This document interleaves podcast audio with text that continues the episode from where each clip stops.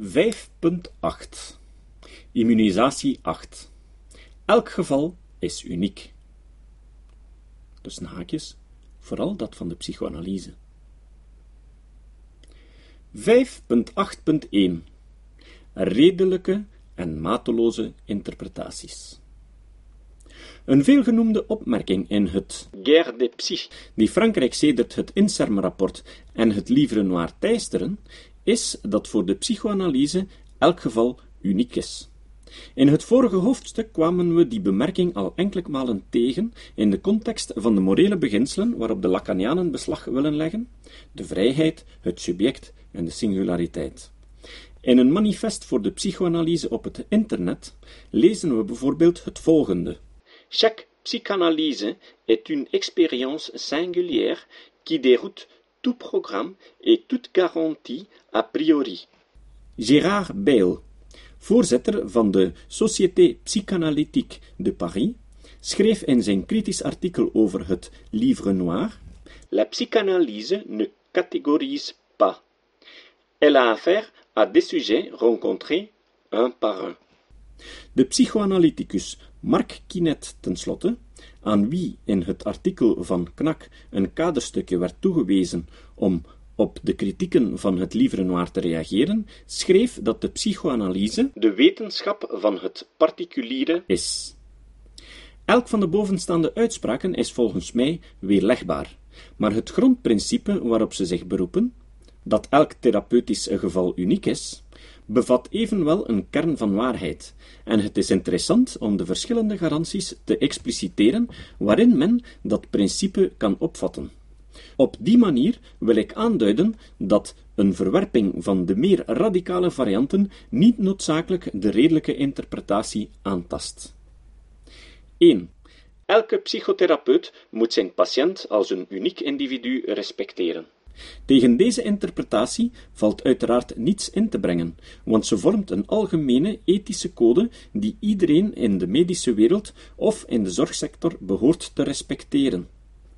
Of psychoanalytici hun patiënten het meest als unieke individuen respecteren, is een vraag die, zoals Jacques van Rillard schrijft, enkel door sociologische onderzoeken en patiëntenorganisaties kan beantwoord worden.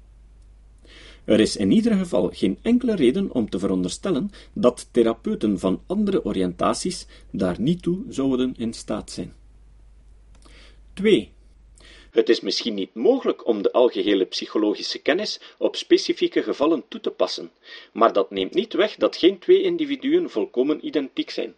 Ook hier lijkt niets tegen in te brengen. Elke patiënt heeft een unieke voorgeschiedenis en een eigen karakter, en de complexiteit van de menselijke geest zorgt ervoor dat geen twee gevallen identiek zijn. Naar alle waarschijnlijkheid zou geen enkele psychotherapeut dat betwisten. 3. Het is niet mogelijk om aan de hand van wetenschappelijke onderzoeken de effectiviteit van de psychoanalyse met die van andere psychotherapieën te vergelijken, want elk therapeutisch geval is uniek. Deze stelling betwist ik.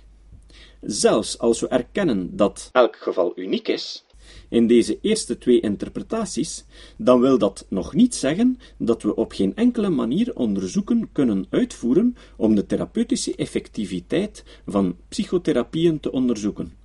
Hoewel de criteria voor het welslagen van de therapie bij verschillende psychotherapieën kunnen variëren, probeert elke psychotherapie ten minste een effect te bereiken of een verandering bij de patiënt teweeg te brengen.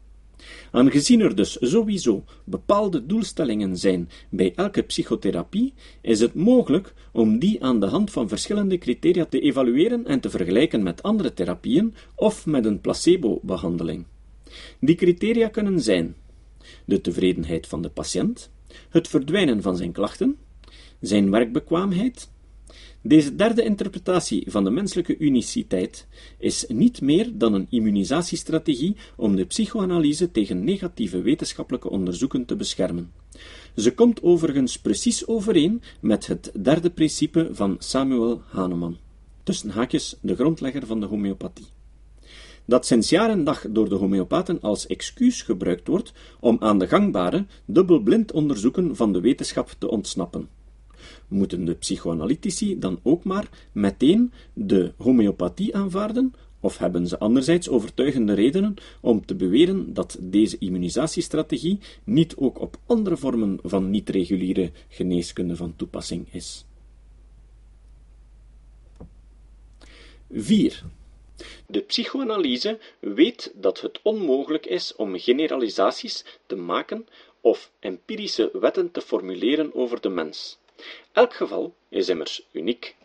Dit is de interpretatie die Gérard Bayle en Marc Quinet lijken te viseren, wanneer ze stellen dat de psychoanalyse niet categoriseert of dat ze wetenschap van het particuliere is.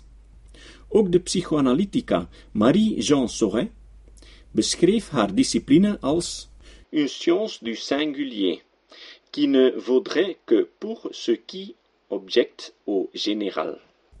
Een nog meer expliciete formulering van deze stelling hebben we al aangetroffen bij Yves Cartuivels in het Anti-Livre Noir.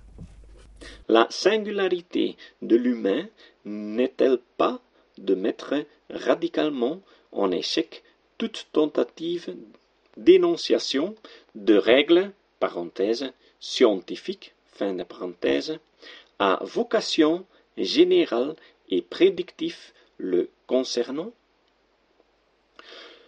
L'humain est toujours à côté de la règle.